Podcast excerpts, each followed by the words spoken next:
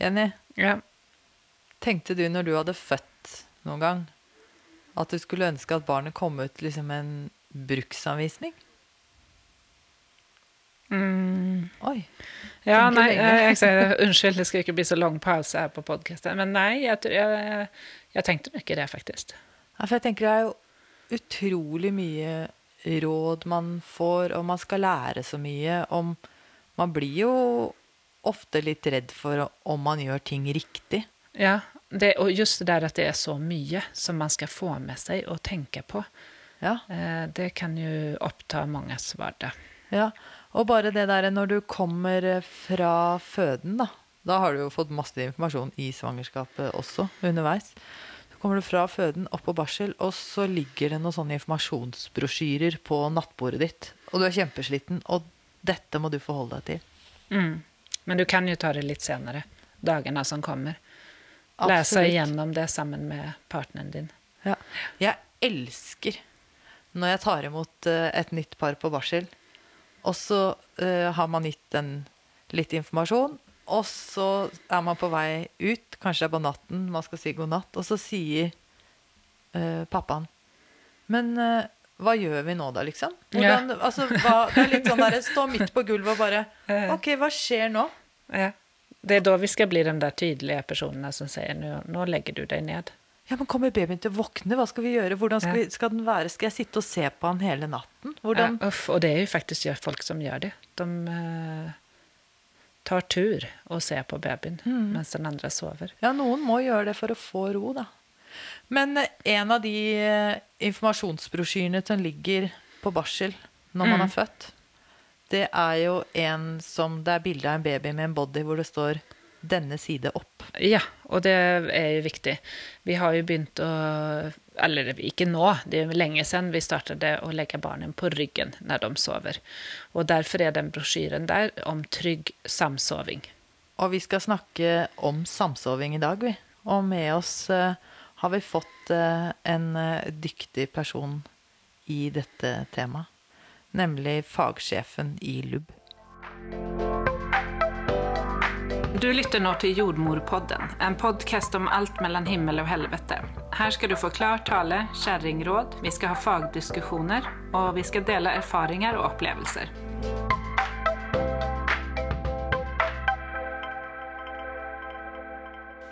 Da sier vi velkommen vi, til Trine Giving Kalstad, som er fagsjef i Landsforeningen uventet barnedød. Hei! Hei. Du eh, har nettopp vært med og vært medforfatter i en ny studie også, du, Trine. Ja, det var eh, faktisk eh, jeg og vi i, LUB som tok initiativet til den studien. For vi mener at dette var et viktig felt å få mer kunnskap om, rett og slett. Eh, Men i denne studien så handlet det da om samsoving. Og det har vi fått utrolig mange spørsmål om i, på mail og Instagram og sånne ting. Hvordan, hva sier dere om samsoving? Hva mener du og Jenny om ja. samsoving? Eh, Og det vi kan gjøre, er jo egentlig bare å henvise til deres trygge regler. Eh, Men det er jo så mye regler som man skal forholde seg til. Man har lyst til at barnet skal komme med en bruksanvisning. Eh, Man trenger å lære så mye, og man er redd for å gjøre feil.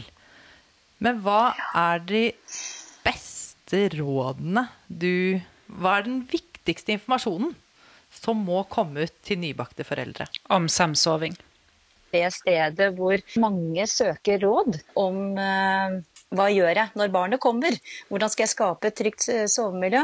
Eh, vi ser at eh, de sidene våre som handler om forebygging av krybbedød og samsoving, de er blant de mest besøkte.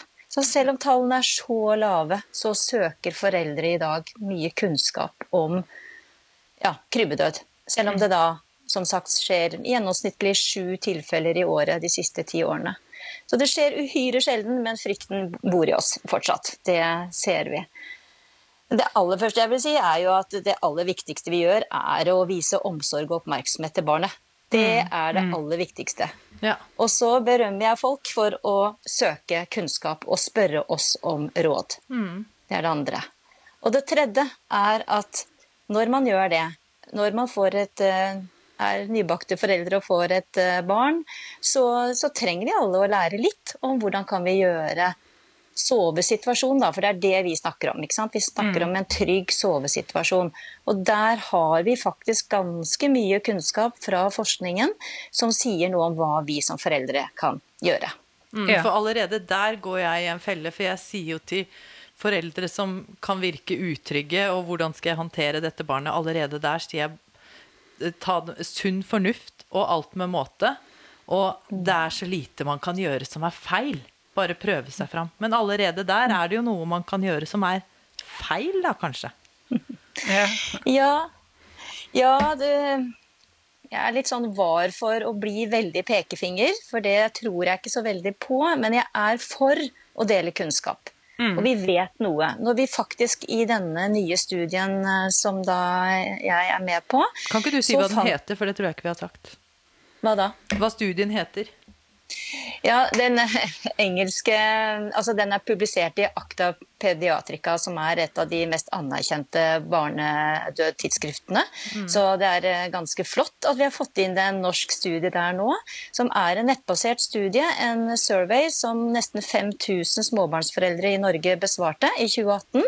Og der ønsket vi å kartlegge hvordan ser sovemiljøet hos norske spedbarn ut. Mm. Mm. Det var målet vårt. Ja. Og samsoving var spesielt interessant fordi vi hadde en antakelse om at samsovingen øker i Norge. Samsoving, definisjonen på det hos oss, er at barnet deler seng med sine foreldre. Ja. Enten begge eller en av de. Ja. Og vi fant jo da at over 60% rutinemessig samsover med barnet sitt. Det var viktig å finne ut av, for da tenker jeg at da må vi jobbe for å gi noen konkrete råd om hvordan du kan gjøre det tryggest mulig når mange velger å praktisere det. Mm, ja. Da tror ikke jeg på at man bare skal si fy-fy, for det kan være forbundet med risiko å samsove, men det er også forbundet med mye fint å samsove. Mm. Ja, det, Derfor så råder vi på trygg samsoving. Det er det som alltid blir vanskelig, at det er, liksom, eh, det er noe for og noe imot. Eller ikke imot, ja. men altså noe fint og noe som kan være uttrykt. Så at ja. det, vi opplever jo også at det kan eh, gå på kors med noe annet, da, om man ikke samsover. Men eh, det kan vi ta litt senere. Ja. ja, men jeg tenker jo allerede rett etter fødsel så oppfordrer vi jo til masse hudkontakt med babyen. Vi sier hud mot hud.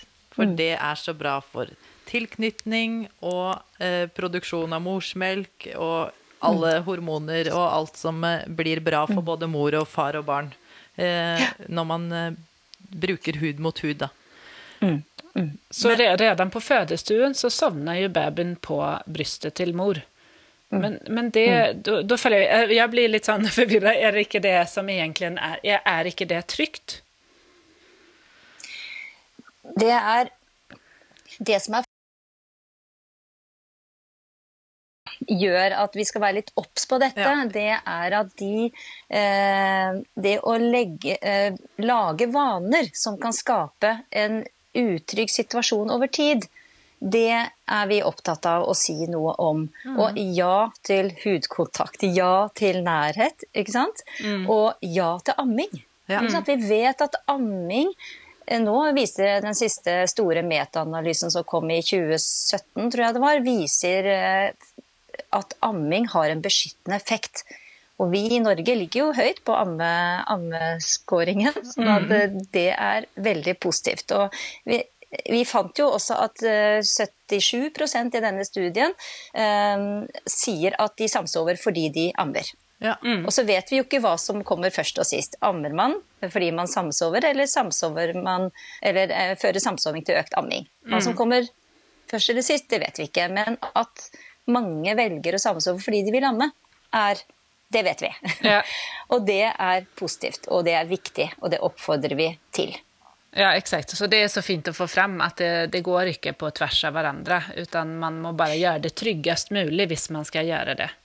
Riktig. Og mm. derfor så vil jeg understreke at den eh, brosjyren som vi har, som heter 'Trygt sovemiljø for spedbarnet', som dere sikkert kjenner til, ja. mm. deles ut og omtales på alle landets føde- og barselavdelinger, mm. den står jo også Nasjonalt kompetensesenter for amming og Helsedirektoratet bak. Og vi tok initiativet til nettopp å samle disse miljøene for å kunne komme ut med omforente råd som vi Ja. kan stå sammen om. Ja, og det er jo veldig bra, Det veldig fordi bra. det er så mange råd man får som nybakte foreldre. Når man ser at eh, folk der ute snakker sammen og mener det samme, jobber Ja. mot det samme målet, så blir det jo mye lettere å forholde seg til. Da. Absolut, Og da, då kan vi si til dere som lytter at eh, eh, som Trine sier, så får man den brosjyren på Barsel når man kommer dit om trygg samsoving og den står også på Nasjonal kompetansesenter for amming og på Ammehjelpen sine sider. Så at man finner den brosjyren på på, mange steder. Och på LUB, ja. Mm. Ja, ja. Så den eh, skal være lett tilgjengelig, og i år, eh, nei, i år, sier jeg, i fjor, så sendte vi faktisk ut brosjyren til alle helsestasjoner også. Slik at helsesykepleiere nå har muligheten til å bestille den opp og ta den med seg ut på hjemmebesøk. Ja, Det er jo veldig bra. Ja, for vi vet jo også at når man har født, så er man kanskje ikke helt, man husker ikke all informasjon man får. Det är som Jannike sier, man får så mye råd på så kort tid som er helt nytt for en. Potentiellt da, om man er förstagångsfödande. Så det er veldig fint at man kan eh, få det flere ganger inn mm. med teskje. Det vet vi, alle som eh, har hatt barn og født. Vi vet hvor slitne og trøtte vi er. Og det er jo det som er et viktig poeng her. ikke sant? At vi er Det er litt sårbart den første tida, hvor vi er slitne og vi er trøtte og vi velger kanskje noen løsninger innimellom som ikke er det tryggeste, fordi vi ikke klarer noe annet. Og det er der jeg er veldig opptatt av å prøve å heller forberede seg på hvordan sovemiljøet skal være tryggest mulig, istedenfor at man faller inn i litt sånne skumle, uplanlagte samsovingssituasjoner. Det har jeg vært opptatt av når dette ble en mediesak også. Så er det den uplanlagte samsovingen som kanskje jeg brenner mest for. Ja. Fordi at det er der risikoen ligger. Det er ikke den planlagte samsovingen i en bred seng hvor barna har egen dyne og mor ammer i senga. Nei. Det er forbundet med veldig lite risiko. Snarere tvert imot. Vi ser økt samsoving og la, historiske lave krybbedødstall. Ja. Ja. Så det er, ja, Det er det er viktig- viktig, viktig å understreke, tenker jeg. For foreldrene også. Men hva absolutt. er egentlig krybbedød? Krybbedød, det er når et eh, lite barn, et spedbarn, dør plutselig og uventet. Eh, og vi finner ingenting under obduksjonen. Vi finner ingenting i omstendighetene eller sykehistorien som kan forklare dødsfallet. Nei, så vi har ingen årsaker som vi vet om. Ingen kjente årsaker. Nei. Så det vi vet noe om, eller ganske mye om, det er risikofaktorer. Ja. Eksempel denne her store snuoperasjonen fra mage til rygg hadde jo en veldig sånn enkel årsak-virkningssammenheng. ikke sant? Når vi snudde barna fra 1990-tallet over fra mage til rygg, så stupte krybbestallene. Ja. Og da fikk man jo konkret, et konkret hjelpemiddel til det. Man fikk jo rett og slett utdelt en body. Eh, et klesplagg til babyen på barsel når du kom opp der hvor det sto 'denne side opp' på magen på den bodyen. Så det Ja. og, og, den studien som dere har gjort nå, det, der viser jo seg at norske foreldre er flinke på å legge barnen på ryggen. Norske foreldre er veldig flinke til å legge barnet på ryggen. Eh, Vi fant at det var bare 2% som legger barnet på magen. Eh, Det er 2% for mye, men det er lave tall, heldigvis. Men det vi fant var at 30% legger barnet sitt og sover på siden. Og det er vi ikke så glad for, fordi at et eh, nyfødt lite barn som legges på siden, har litt større risiko for å falle over til magen og ikke klare å komme seg tilbake til Ja. ryggleie. Jeg må si at jeg allerede på den, eh, denne side opp har eh, ja, juksa. Det er jo veldig dumt ord å bruke. Men fordi noen av barna mine roet seg jo bare på magen. Altså For at de skulle sove, så måtte jeg legge barnet på magen. Og så skulle jeg jo snu det rundt før eh, jeg sovnet, eller ikke, før jeg ikke passet på lenger, da. Men det hender jo, man er jo kjempetrøtt. Det hendte jo at jeg da sovnet før jeg rakk å snu dette barnet. Så jeg skjønner jo på en måte at ting kan glippe, men at regelen må være at man ikke snur det rundt. Men man, man gjør jo så godt man kan. Ja, og hei på det. Hei på at man, vi gjør så godt vi kan. Og de aller fleste barn tåler jo å sove på magen. Vi er, det er robuste barn, de tåler det.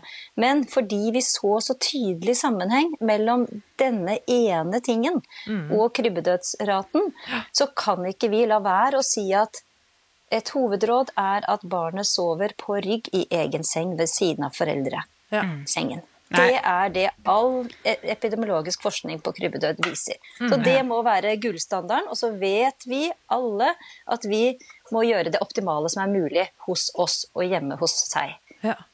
Og gjøre de valgene med mest mulig kvalit, eller eh, mest mulig kunnskap, da. Ikke sant? At man gjør bevisste valg. Jeg tror du kommer langt med det. Ja. Ja, absolutt. Vi, må, vi som er fagfolk, vi må anbefale det som er tryggest og best. Og det gjør vi jo. Og det gjør vi. Ja. Eh, Men var, vad var, var det noe mer som kom fram av den undersøkelsen? For vi prater jo ofte på barsel også om det her med røkning og snusing, og om man er påvirket av andre eh, narkotiske stoffer eller Sterke alkohol. medisiner. Ja, sterke medisiner. For det har jo også Ja. noe å si for samsovingen.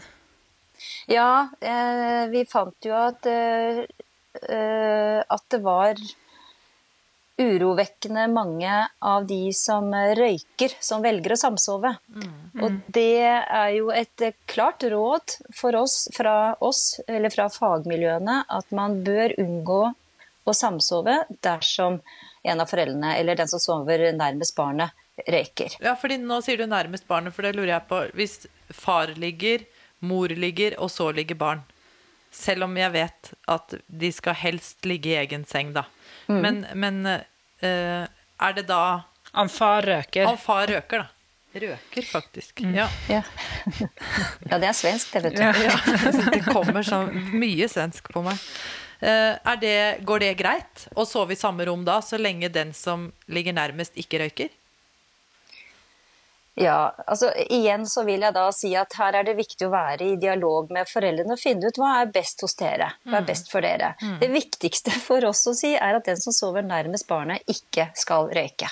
Ja. Eller, eller snuse. Ja. Så eh, jo lenger unna en eh, røyker er barnet, det er, det er eh, bedre, ikke sant? Ja. Og så hvis begge foreldrene røyker, så er det definitivt det beste at barnet sover i egen seng ved siden av eh, foreldresengen. Ja. På Det er ikke sånn at du må putte barnet i eget rom fordi foreldrene røyker, f.eks. Nei, for Nei. hva sier dere om å sove i eget rom? Det er noen studier som viser at det at et bitte lite barn som sover på eget rom, det kan øke risikoen igjen. Så Ja. derfor holder vi fanen høyt. Samme rom, men ikke samme seng, er hovedrådet. Og så finner vi eh, de trygge løsningene for samsovingen. Ja. Hvor gamle kan de være når de flytter over på eget rom? Er litt ulikt hva studiene sier, litt fordi at studiene opererer med ulike tidsintervaller. Noen har fire måneder, noen har seks måneder, noen har ett et år. Hovedrådet når vi snakker om forebygging av krybbedød, er opptil ett år. Ett år. Fordi det, diagnosen SIDS forholder seg til Ja. opptil ett år. Ja. Men uh, det viktigste er fram til seks, seks måneder.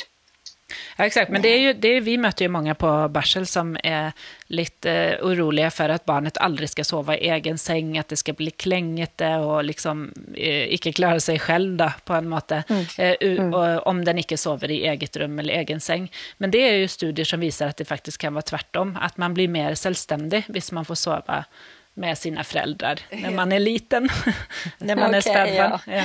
Jeg tror man ikke skal være så redd for de tingene der. Nej, Eh, det tror jeg ikke heller. det, Men jeg Nei. tenker når, man, når, når vi har eh, nye familier på barsel, da.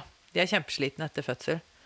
Og så skal jo babyen suge hele tiden for å sette i gang den meierifabrikken. Uh, og de må jo, mor må jo få sove noen ganger. Og da blir det jo å ligge og amme i sengen. Og så sovner de jo, og så legger vi opp til at de da kan ha barnet At vi snur sengen sånn at den er inn mot veggen, sånn at barnet ikke triller ut, da. Eh, Og med egen dyne. Men så må de jo Og så sier vi jo hud mot hud, så da blir jo den egen dyne litt borte, da. Men dette er jo Ja, hva sier du til det? Hva, hva, vi, må, vi må fortsette sånn, må vi ikke det?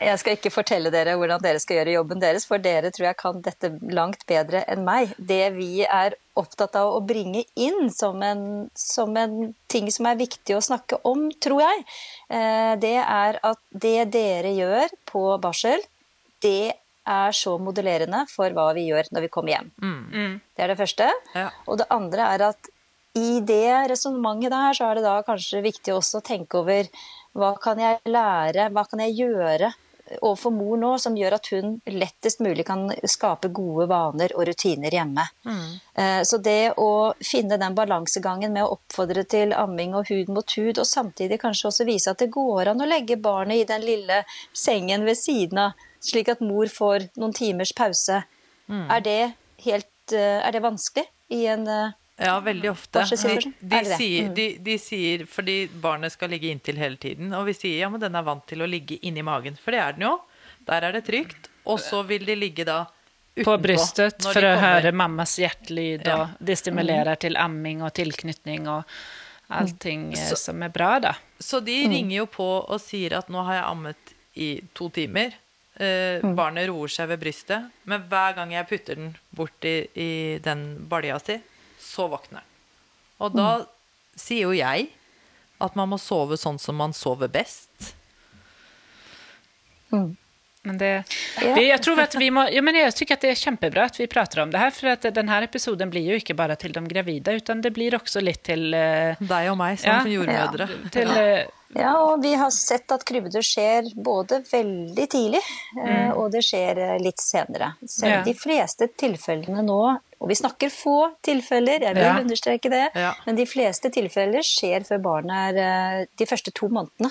Ikke sant? Så det er viktig, det dere snakker om nå, det er hvordan vi kan sammen hjelpe mor og far, eller mor og partner, til å ha det tryggest mulig.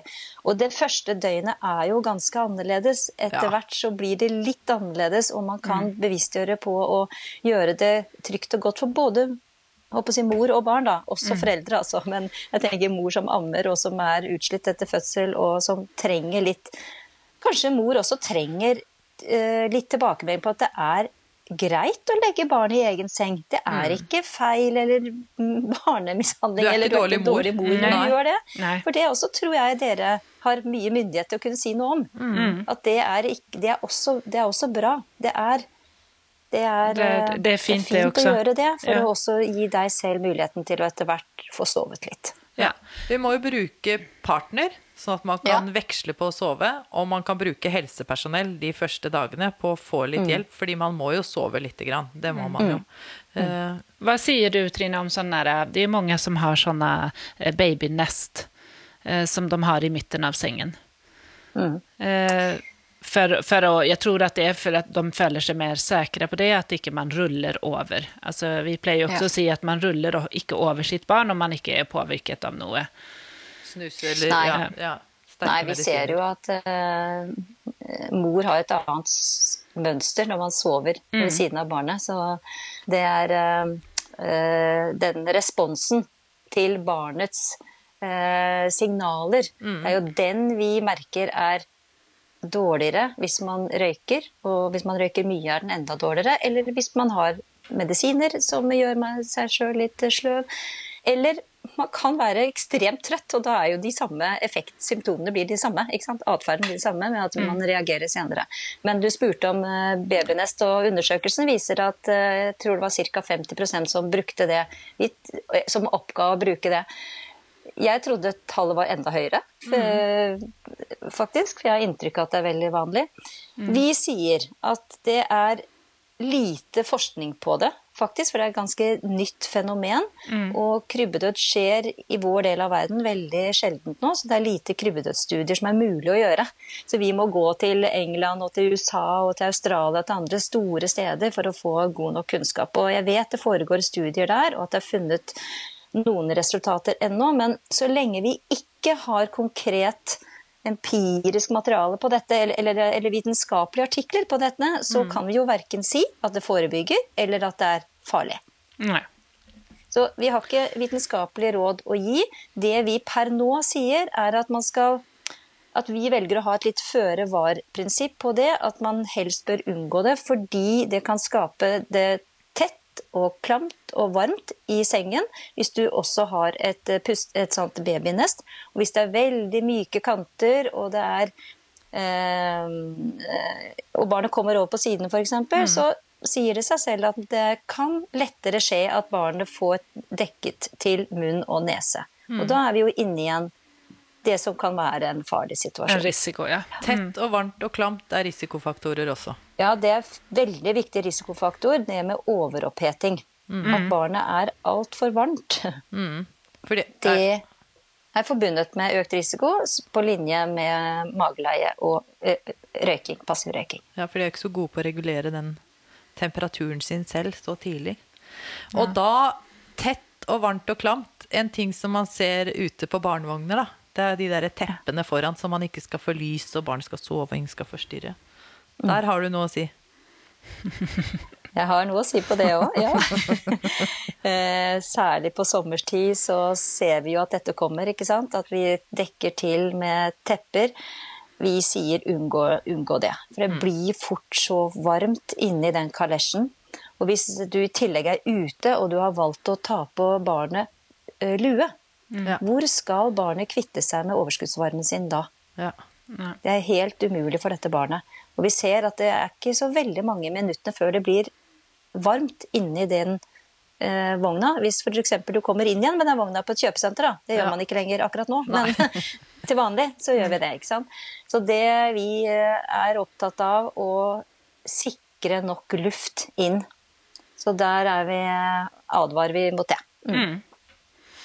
Mm. Så, så, for trygg samsoving da, så er det at barnet alltid skal sove på ryggen. Man skal ikke røyke, snuse eller være påvirket av andre eh, midler.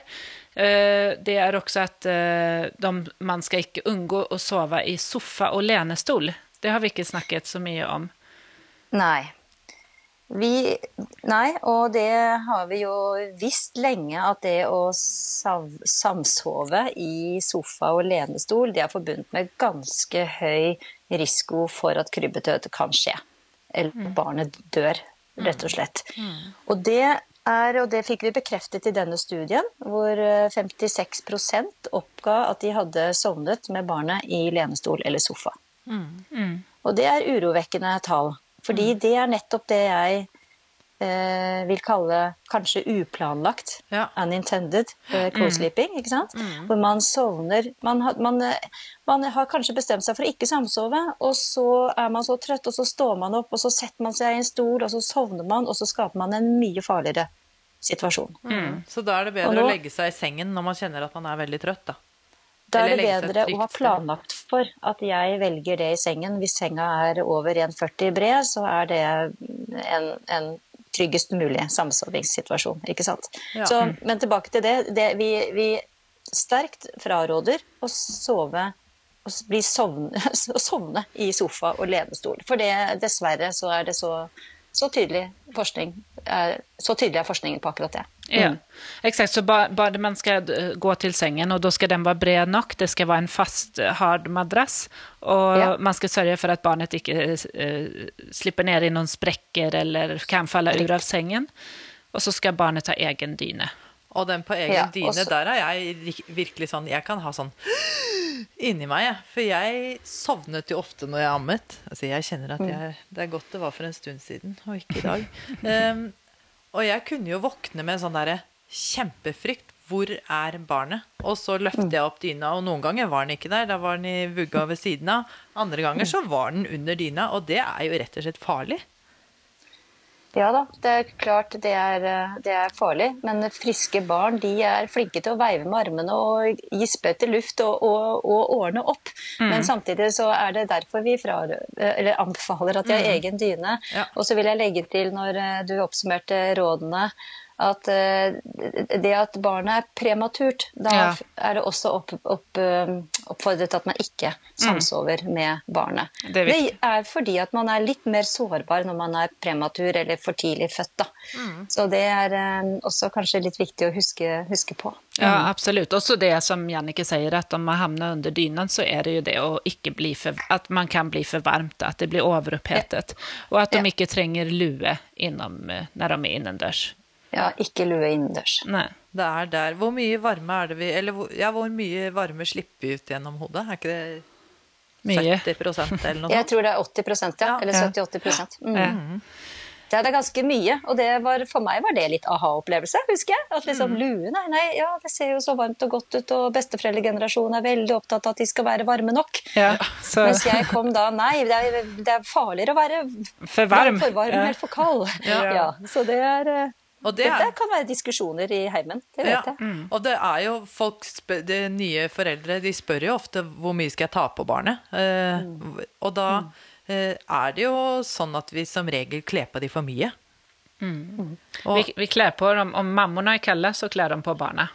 Så sånn gjør vi fortsatt, Så Jenny. vi fortsatt. Men også kjenner man på hender og føtter, og så er jo ikke de like varme som resten av kroppen, særlig i begynnelsen. Og så Nei. tar vi på de en ekstra lue og en ekstra genser, men så kjenner vi det i nakken etterpå, så er de rett og slett svette. Ja, Ja. Og det er et viktig stikkord du gir der, Jannicke. Mm.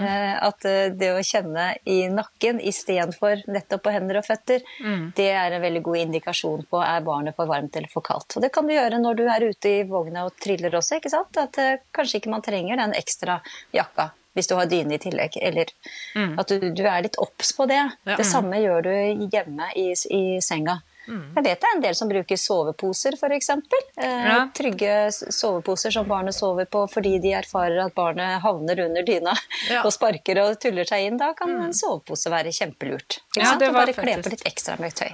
Mitt neste spørsmål var faktisk den der soveposen. for det er det jo også, ser vi at det er en del som har med på barsel da, og Ja. spør om de kan bruke den. Mm. Ja, nei, men det, det, det- er fint. For da kan de Det ikke er, få det dyna er I over hodet. Nederland eksempel, er soveposer veldig vanlig. Og der er det gjort flere studier på det som pågår. Så eh, det er, eh, det er en, et fint alternativ. Eh, Og det utfordrer kanskje oss litt, da, fordi at vi er så opptatt av at barne, eller at sengen, barnesengen, spedbarnssengen, skal se så koselig ut. Den skal være lun, den skal være fin. Og hvis du bare ser på alle disse butikkene, hvordan de stæsjer opp disse sengene og soverommet, Ja. så er det ikke rart at det er vanskelig for oss som nybakte mødre og fedre å, å ikke gjøre sånn som reklamen sier, si Nei, absolutt. Og alle disse kosedyrene. Kosedyrene jeg tenker jeg også Ja, på. for det er jo også farlig hvis man har masse ting rundt hodet til babyen. Eh, når, du tenker, når du sa i stad at det nestet var mykt, og det kunne komme foran eh, ansiktet og munnen. Og det gjelder jo disse kosedyrene òg. Ja. Ja, det er jo derfor vi sier minst mulig i senga, for å gjøre det enkelt. Ja. Minst mulig i senga. Og da kan man kanskje noen ganger hjelpe seg selv ved å si litt eh, Hvem sitt behov er dette nå at jeg skal putte det i senga? Ja, Ikke sant? ja, Hvem sitt behov er det? Og det å reflektere sammen med foreldre omkring det, er en mye bedre måte, opplever jeg, enn å bare si ikke, ikke, ikke. Ja. Hva, ja. Helt enig, Trine. Du er veldig bra på å si de rette tingene her. Jeg tenker også at det, det er mange som spør, men hvor, hvordan er det når, eh, vi, når den begynner å snu seg av seg selv? Altså at eh, når den helt plutselig ligger på magen når eh, mammaen våkner, så får hun litt sånn Gud, la jeg den ikke på ryggen? Eller sånn. Men hvordan er det når de begynner å snu seg av seg selv? et veldig vanlig spørsmål, som er fint at du stiller. For Ja. det er helt naturlig for et spedbarn å etter hvert begynne å snu og røre på seg. Og vi sier at når barnet selv begynner å velge sin sovestilling, da er det greit. Da er det viktig at eh, mor eller far eller de som legger barnet til å sove, fortsatt legger barnet ned på rygg for å sove. Og hvis barnet velger å snu seg over til magen etter det, så er det barnets valg, og da er barnet sannsynligvis blitt såpass eh, stort og robust at det tåler dette barnet helt fint. Det er ikke slik at vi da sier sjekk hvert femte minutt og snu tilbake. Nei, det det ødelegger nattesøvnen for eh, mor og far. Ja. Eller partner. Så det er ja. mm. Det er rådet. Det er rådet på det. Ja, det var veldig fint. Jeg syns det var bra å få besøke deg og få oppklart eh, noen ting som vi kanskje sier feil, eller som vi av gammel vane sier, at man skal liksom planlegge sovemiljøen. Og det er jo sånn at eh, om man følger rådene for trygg samsoving, så leder ikke det til høyere risiko for krybbedød. Eller øker. Men utrygg samsoving kan øke risikoen for krybbedød. Det øker risikoen. Ja. Men, Ja. Det er jo utrolig bra at det tallet har gått fra høyt til så få som vi har per år nå, da. Hvis Det er en fantastisk eh, medisinsk begivenhet som er blitt eh, presentert på mange medisinske og internasjonale konferanser. Nettopp den enorme virkningen det hadde å snu barna fra mage til rygg. For dette er jo, gjelder jo i mange land at det har vært en, en kjemperespons. Ikke sant? Vi gikk fra 142 tilfeller i 1989 til eh, ja, gjennomsnittlig sju nå, da. Så det er veldig, veldig stor reduksjon. Det er rett og slett en skikkelig snuoperasjon. Ja, Og det er viktig, men det er viktig også å tillegge, som du sier, at eh, vi sier flere ganger at det er farlig, men det er også fortsatt veldig liten risiko med krybbedød. Altså det er få som det skjer. Kan jeg som eh, jordmor og ikke fagsjef i LUB si sunn fornuft og alt med måte? Ja, hvis du legger til ha litt kunnskap i bånn, så kan du bruke den sunn fornuften på en veldig god, god måte. Ja. Er du med meg på den, eller? Ja, jeg er med deg. Og, jeg, jeg, og vi sier jo disse setningene om trygg samsoving. Det gjør vi jo. De er indoktrinert i oss som eh, helsepersonell. Men eh, jeg har lært nå, eh, når du har snakket, at jeg skal allerede, når de kommer opp på føden fra barsel, begynne å legge til rette for at mor får gode sovevaner. Da. Med Ja. trygge sovevaner med barnet sitt. Det tenker jeg er noe av det viktigste dere gjør. Og så er det så viktig som du sier, at du trygger mor i den rollen hun er i. Hun er den beste moren for sitt barn. Ja. Ikke sant? Og det gjør hun så godt hun kan. Men hun trenger også hjelp til å bli godt rusta til å være mor, uten at vi skal neddynge med masse kunnskap og fakta og sånn, men vi skal gi dem muligheten til at de er orientert og oppdatert godt nok til at de tar bevisste og Informerte valg. Gode valg, slik at de blir den beste moren for sitt barn. Mm. Og så tror jeg man kan legge til at for noen er det vanskeligere enn for andre. De kan ha, uh, de kan ha omstendigheter ved livet sitt som gjør det ekstra vanskelig. De kan bo ganske utfordrende trangt. De kan ha, være syke. Det kan være an andre uh, forhold som gjør at de kanskje trenger ekstra veiledning til å skape et tryggest mulig sovemiljø og hjem for det barnet, ut fra de forutsetningene de har. Og da tror jeg kanskje at, eh, noe, at vi skal være flinkere til å bruke litt mer tid og krefter på de som trenger det mest. Ja. Og vi ser at råd, de generelle rådene viser jo nettopp den nye studien vår at dette er nådd ut til veldig mange. Det er veldig mange som gjør mye riktig eller Ja. mye bra. Ikke sant? Det viser jo studien at så mange som samsover, og så er det historisk lave tall. Kjempegodt jobbet av nybakte foreldre i Norge. Ja, bra. Og så ser vi at vi har en utfordring i å øke forståelsen av at det finnes faktisk noen forhold rundt samsoving som er forbundet med risiko. Og vi vet at disse faktorene her er modifiserbare, som vi sier. Altså de er mulig å påvirke. Og vi tror at det er noen dødsfall som vi kanskje nå kan forebygge fremover, hvis vi er enda mer bevisst på det. Ja. Og snakker høyt om det. ja. Det skal vi hjelpe til med. Ja, Det det skal vi. Og vi heier på alle mødre der ute og tar til seg god kunnskap og tar gode Ja. valg. Ja. Mm. Så tenker jeg det du sa med de som trenger ekstra, det er derfor det kan være veldig fint at det der med helsestasjonene som kommer på hjemmebesøk, at de også tar opp det med trygg samsoving. Det skal de. De har det i programmet sitt. Ja, og det tror jeg de gjør på en veldig god måte. Det vi ønsket å bidra med med at vi nå sendte ut denne brosjyra, det var at vi får en god del spørsmål fra helse, helsesykepleiere, Ja. og de er tidlig inne, og vi erfarer at det er kanskje noen grupper, f.eks. de som røyker, at de blir enda mer bevisste på hva de kan gjøre og ikke bør gjøre når de røyker, fordi vi vet så mye om at det øker risikoen noe. Da kan man kanskje hjelpe dem til å finne den beste måten å være foreldre på. Altså redusere røykingen f.eks., slik at man kan samsove. Eh, altså, det hjelper å høre at røyk minst mulig, f.eks. Ja. Om ikke du klarer å slutte helt, så prøv å unngå å røyke i nærheten av barnet eller rett før du skal legge deg eller amme. ikke sant? Disse vanlige rådene. Ja. Men eh, kanskje man trenger litt eh, mer informasjon på det, da. Mm. Og så er det ikke sånn at det er bare én ting som fører til krybbedød. Det er ikke sånn at hvis du røyker, så skjer dette. Sånn er det ikke. Nei. Det er gjerne et samvirke av flere ting som skjer, og noen ting vet vi faktisk ikke om. Nei. Vi har en antakelse om at det er en eller annen sårbarhet ved de barna som dør i krybbedød, som ikke vi kjenner til. Ja. Så Derfor så er det vanskelig å si akkurat hvem som er risikobarnet her. ikke sant? Ja. Men det vi kan gjøre noe med, det kan vi være med og hjelpe til å gjøre noe med. Så nå kan vi jo anbefale alle om å gå inn og lese om eh, trygg samsoving, da. Enten de har født, eller om de venter barn.